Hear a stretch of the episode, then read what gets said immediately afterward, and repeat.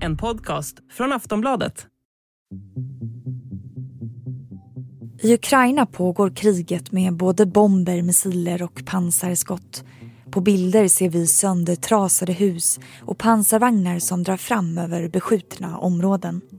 Men samtidigt pågår även en annan typ av krigföring. En som syns lite mindre utåt. Cyberkrigföringen. Ja, att attackera ett lands tv-sändningar, banker eller dataservrar är idag ett viktigt vapen i krig. Den senaste tiden har ukrainska banker och myndigheter drabbats av överbelastningsangrepp och ett kommunikationssystem som är väldigt viktigt för militären slogs ut. Samtidigt som länders militära styrkor cyberattackerar varandra ansluter sig även hackers till bordet. Redan på krigets allra första dag förklarade hackergruppen Anonymous cyberkrig mot Ryssland. Men vad innebär egentligen ett cyberkrig? Vad har Ryssland haft för cyberstrategi i det här kriget? Och vilket cyberförsvar har Sverige?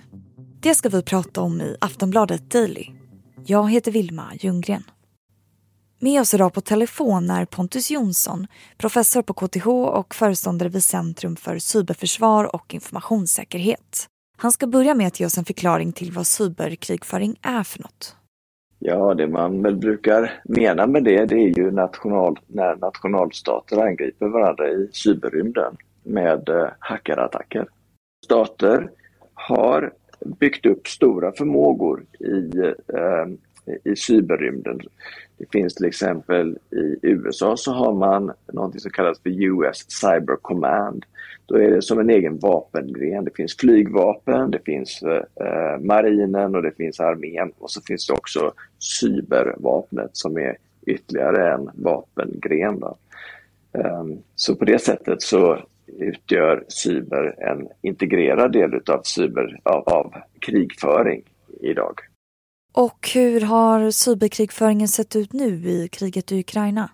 Ja, man kan säga så här att Ryssland har ägnat sig åt cyberkrigföring i Ukraina i många, många år, sedan 2014 i alla fall. Det är en lågintensiv krigföring där bland annat 2015 och 2016 man slog ut delar utav det ukrainska elkraftnätet med cyberangrepp. Så flera hundratusen invånare blev eh, utan ström.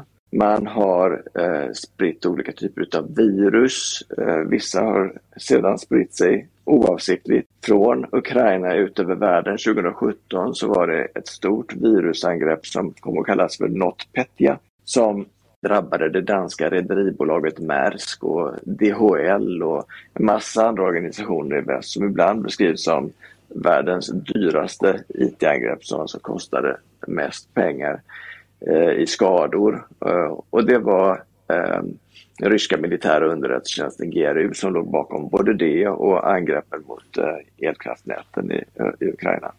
Och nu då, under invasionen, har Ryssland betett sig på samma sätt som tidigare eller hur har det sett ut? Under eh, själva invasionen så är vi många som tycker, som är förvånade över att vi inte har sett eh, större cyberangrepp. Eh, vi har sett en del, till exempel så verkar det som att satellitkommunikationssystemet Viasat slogs ut av ett eh, cyberangrepp det är ett kommunikationssystem som så vitt man förstår den ukrainska eh, militärmakten eh, har varit beroende av. Vi vet också att eh, tyska vindkraftverk har varit beroende av eh, via satellitkommunikation och de blev också drabbade av misstag då, av, av det här angreppet. Vi vet också att olika typer av överbelastningsangrepp har drabbat eh, myndigheter och banker i Ukraina och, och eh, nu senast så verkar det som att även eh, internetkommunikationsinfrastruktur i landet har blivit drabbad. Men trots det så är det mindre än vad vi hade kanske förväntat oss därför att vi vet att Ryssland har stora förmågor inom cyberområdet. När vi då pratar om just Rysslands cyberkrigföring, är det den ryska underrättelsetjänsten som sköter den krigföringen eller vilka gör det? Det är den militära underrättelsetjänsten som heter GRU eller som brukar kallas GRU eller GU ibland. De eh, har varit väldigt aktiva till exempel i Ukraina. de gillar att förstöra saker. De är militärer så att eh, de, eh, de ägnar sig åt det som man ibland kallar för computer network attack. De vill angripa och, och, och göra sönder saker. Men sen finns det en underrättelsetjänst som heter SVR som kanske är att motsvara vid USAs CIA. De eh, riktar sig utåt utanför nationen och de vill bara inhämta underrättelser så att de spionerar. De vill inte synas. De har inte något särskilt intresse av att förstöra saker. Sen finns det en tredje underrättelsetjänst som heter FSB. Både SVR och FSB de kommer från gamla KGB. FSB är egentligen inrikes underrättelsetjänsten. Ehm, men av någon anledning så har de också en ganska så omfattande verksamhet utomlands. Ehm, så vi ser även dem angripa ehm, eh, västerlandet. Till exempel så har alldeles nyligen den amerikanska justitiedepartementet har eh, åtalat operatörer just ifrån SVR för, för olika angrepp mot bland annat amerikanska eh, amerikansk eh, energiinfrastruktur mot kärnkraftverk och, och eh, elkraftsystem. Utgör eh, de här tre grenarna ett hot eh, för Sverige? Ja, det gör de allihopa. Aftonbladet Daily är snart tillbaka.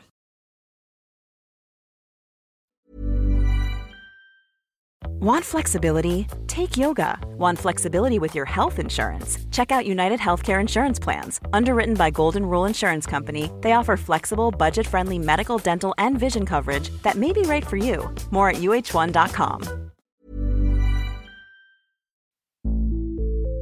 Men det är inte bara nationalstater som använder sig av cyberkrigföring. I det här kriget så har ju flera hackergrupper anslutit sig, bland annat då hackergruppen Anonymous som förklarat cyberkrig mot Ryssland. Vi hör Pontus Jonsson igen om hur deras attacker har sett ut. Anonymous är ju ett löst sammanhållet idealistiskt kollektiv som har dykt upp lite då och då med olika agendor och utfört eh, cyberangrepp mot olika mål och nu senast då mot, mot Ryssland. Det har varit lite överbelastningsangrepp och ganska lättviktiga angrepp, inte någonting allvarligt egentligen. Och det är inte konstigt därför att eh, det här är som sagt idealister som gör det på sin fritid medans eh, nationalstaterna som, som Ryssland eller alla andra nationalstater också för den delen, de har professionella hackare. Det är något som har hänt under de senaste say, 20 åren att hackningen har professionaliserats. Nu är de organisationer som har de stora förmågorna, det är inte hackerkollektiv utan det är eh, underrättelsemyndigheter och säkerhetstjänster i nationalstater som, eh, eh som har kontorsarbetare som går till jobbet varje dag det kan handla om hundratals eller tusentals som går till jobbet varje dag och ägnar sig åt eh, eh, cyber, cyberkrigföring. Svenska politiker diskuterar just nu Sveriges cybersäkerhet. Hur stark skulle du säga att den är? Den är inte alls så stark som vi skulle önska att den var. Sverige tillhör ju ett av världens mest digitaliserade länder. Vi har ju till exempel helt gjort oss av med kontanter sedan ett tag tillbaka. Och vi vi är ju stolta över den digitalisering som, som vi har lyckats åstadkomma i vårt samhälle. Det har samtidigt gjort oss väldigt sårbara. Det har visat sig, och till vår överraskning skulle jag vilja påstå, att de IT-system som vi förlitar oss på för den här digitaliseringen, att de är eh, väldigt svåra att säkra, att de har väldigt mycket sårbarheter i sig. Och nu då, de senaste åren, så har ju dessutom det säkerhetspolitiska läget förvärrats så att, vi, Eh, så att det finns som jag nämnde, eh, nationer med, med eh, stora offensiva förmågor som också kan komma och rikta dem mot oss. Så det är en dålig kombination att vara mycket digitaliserad med sårbara system och med potenta motståndare. Och när du säger sårbara system, hur ser sårbarheten ut? Ja, den tar ju sig många former, eh, men ett av de största problemen det är att eh, när man bygger IT-system så har man väldigt svårt att inte av misstag, små misstag, introducera allvarliga sårbarheter. Det är en egenhet, en egenskap hos IT-system att, att det verkar som att väldigt små misstag som en programmerare gör eh, kan leda till väldigt stora sårbarheter. Och sådana misstag de, eh, de görs hela tiden. Vi upptäcker nya sårbarheter i våra IT-system varje dag. Väldigt allvarliga eh, sårbarheter. Eh, många, många gånger varje dag så, så hittar vi sådana sårbarheter.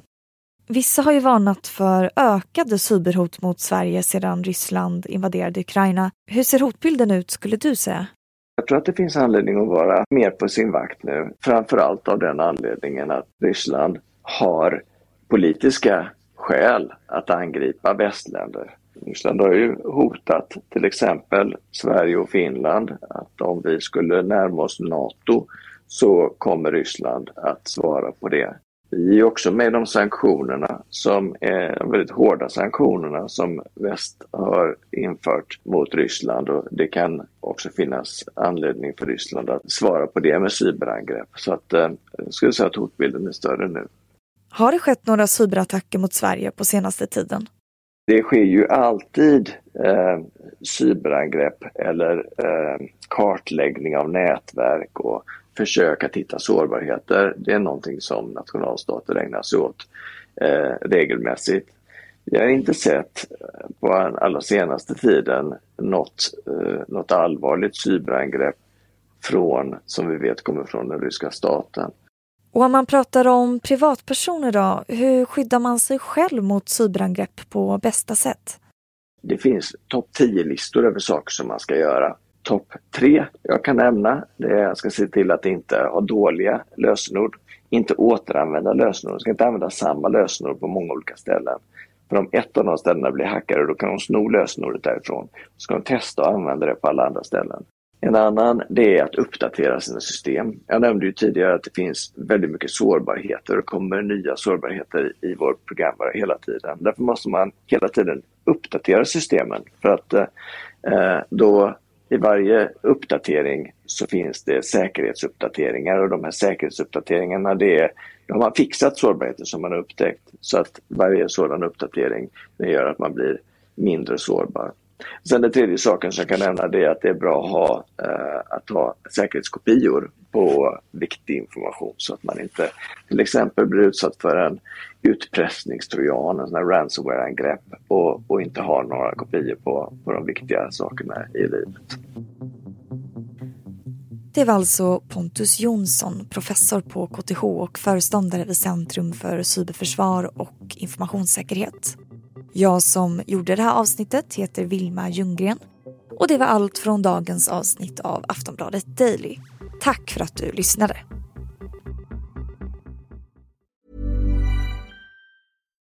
Millions of people have lost weight with personalized plans from Noom.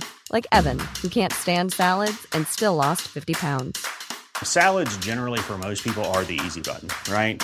For me, that wasn't an option. I never really was a salad guy. That's just not who I am. But Noom worked for me. Get your personalized plan today at Noom.com. Real Noom user compensated to provide their story. In four weeks, the typical Noom user can expect to lose one to two pounds per week. Individual results may vary. Du har lyssnat på en podcast från Aftonbladet. Ansvarig utgivare är Lena K Samuelsson.